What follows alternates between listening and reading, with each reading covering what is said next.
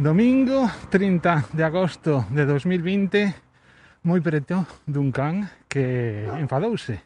Ainda podedes escoitar por aí atrás. Escoitaredes os ladridos Porque últimamente o que son as pegadas que utilizo Casi como sintonía de apertura e de finalización do podcast As pegadas que gravo xusto antes e xusto ao rematar Estes quilómetros escoitanse moi moi baixiño Polo que mm, a verse eh, en edición lle subo un poquinho o volumen para que as escoitedes mellor.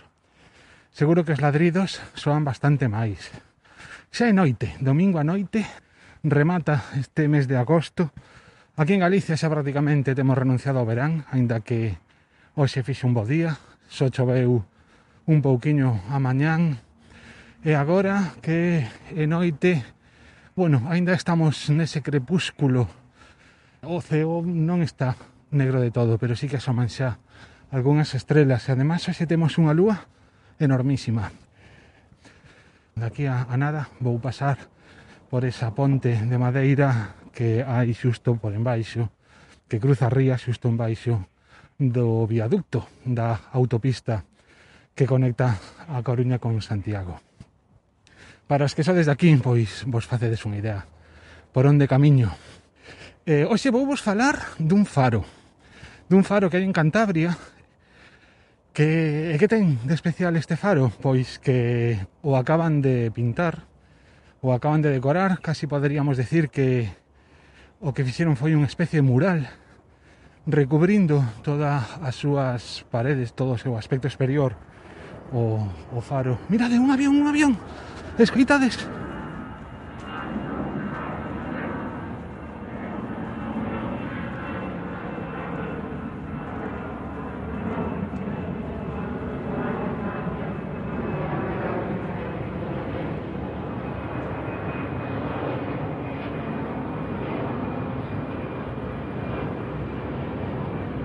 Bueno, non vos dou máis a lata Pero é que a min isto suame a música De verdade, xa sabedes Que estou medio aerotrastornado E todo o que ten que ver cos avións e, con voar e co espacio Pois é unha das cousiñas que me chegan. E, De estar farto de escoitalos por aquí a escoitalos a de cando en vez, pois, eh, non sei, que encima cuadra así con a grabación. A ver sinto por vos pero é que cando escoitei este episodio a min mólame eh, ter estes paróns de, de escoitar os avións perdoade. Os demais que se acaso dadelle pa diante e arreando. Bueno, falábamos dun faro que, que pintaron en plan mural era blanco e agora convertiuse nun mosaico de, de cores de cores básicos así ademais bastante estridentes para que vos fagades unha mm, idea a min recórdame agora que o vexo pintado como moitas telas que utilizan en, en países de África con esas cores tan vivas e tan alegres. Pero que queredes que vos diga? Foi un tema deu bastante que falar. Non na xente que me siga a min que tamén. Sobre todo na xente que sigo eu. Moita xente que se adica á arquitectura e realmente non sentou nada ben o que fixeron con este faro. Foi, non sei, como como utilizar as súas paredes como se fose un lienzo non sei mm, a min tampouco me gustou moito o que pasa é que a polémica bueno, conto vos máis ou menos non?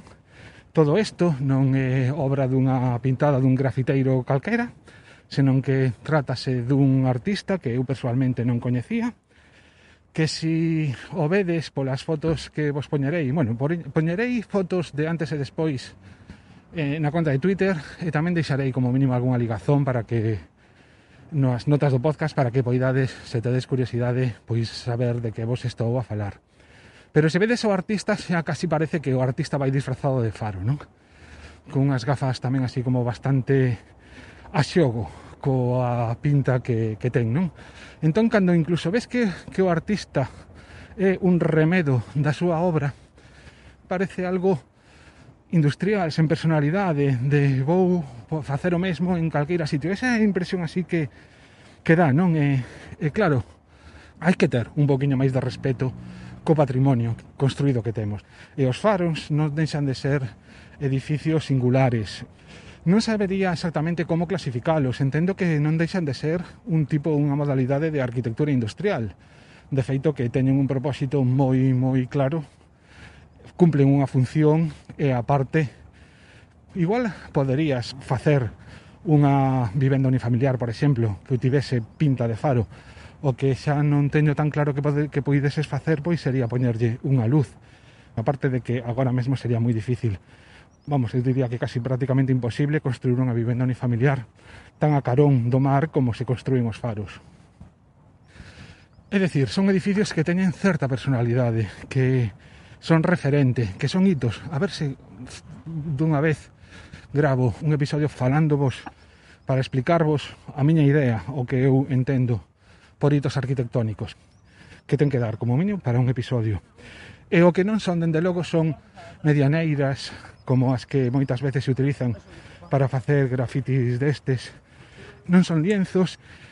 Eh, que queredes que vos diga? A diferencia que poderíamos atopar como os grafiteiros que decíamos antes é que estás a facer nun lugar público, os faros non deixan de ser edificios públicos, nun espazo público, porque o que a costa tamén é un espazo público, só que en vez de ser de forma ilegal ou alegal ou como, bueno, ilegal, Os grafiteiros, as súas obras son ilegais.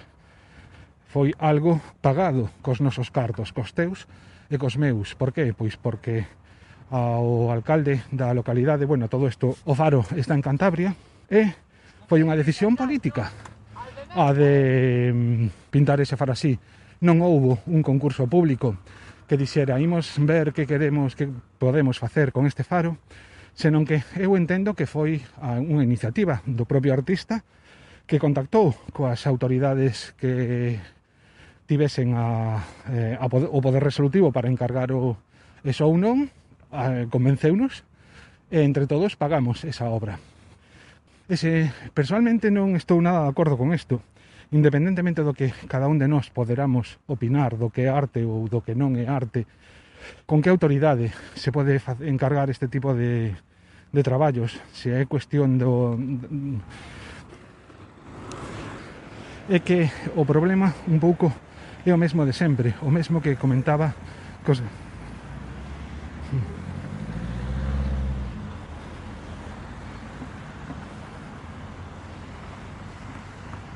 Bueno, e acabo de cruzar o paso de peatóns xa está agora mesmo en pleno paseo do Burgo e perdín, perdín o hilo do, do que ia falando. O que quería decir é que Cando se trata de elementos patrimoniais, porque isto non deixa de ser patrimonio de todos e todas, e máis, non me estrenaría absolutamente nada que este edificio estivese nomeado, no, estivese como mínimo no catálogo do Plan Xeral do Concello que fose. Entón, cando se trata deste tipo de edificios, hai que ser moi, moi, moi respetuoso.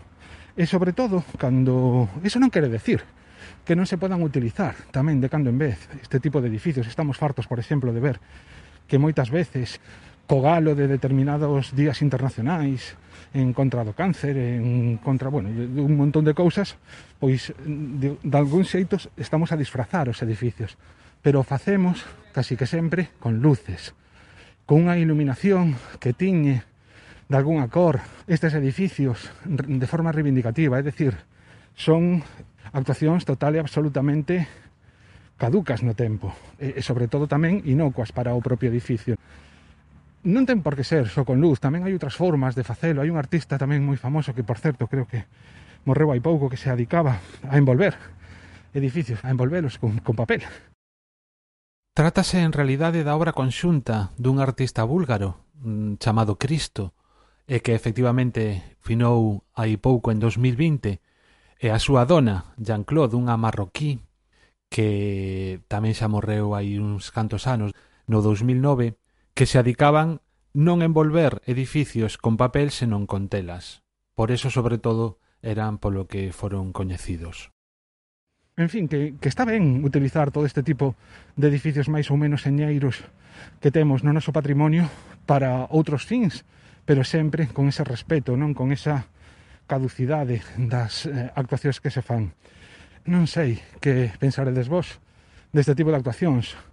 Para min non é meramente un, unha cuestión de si me gusta ou non me gusta, de si é arte ou non é arte, senón de como sociedade temos que abrir un debate e o mesmo que co tema dos grafiteiros temos que decidir como e de que xeito hai que actuar nos espazos públicos e, e tamén este tipo de edificios as, cando as cousas se fan porque sí, porque eu quero, porque eu mando, porque eu son o alcalde, e encima o estou a facer con cartos que non son meus, senón que son cos cartos que eu xestiono, porque os cartos son de todos e de todas, non queda ben, non queda ben. Eh, non me extraña que se montase o lío que se montou no meu timeline de Twitter, eh, xa vos digo, hai teredes algunha ligazón para que lle, botades, para que lle botades unha ollada eh, probablemente a vos parecerá vos moi ben pero aí está a cuestión que o que temos que facer é falar, falar, pensar e, e, e discutir e, e poñernos de acordo no que se pode e no que non se pode facer. Pero que sexamos nós quen decida. Nada máis, como vos decía a semana pasada voume tomar un, vou facer un parón neste kilómetros de balde tamén o kilómetros gratis E, a ver se no mes de setembro me adico a cousas que teño por aí por facer. E prefiro non contar coa pequena distracción que supón gravar este micropodcast. Veña, moitas grazas por ter chegado ata aquí ato final. Un abrazo e vémonos en outubro. Chao meus, pasadio ben.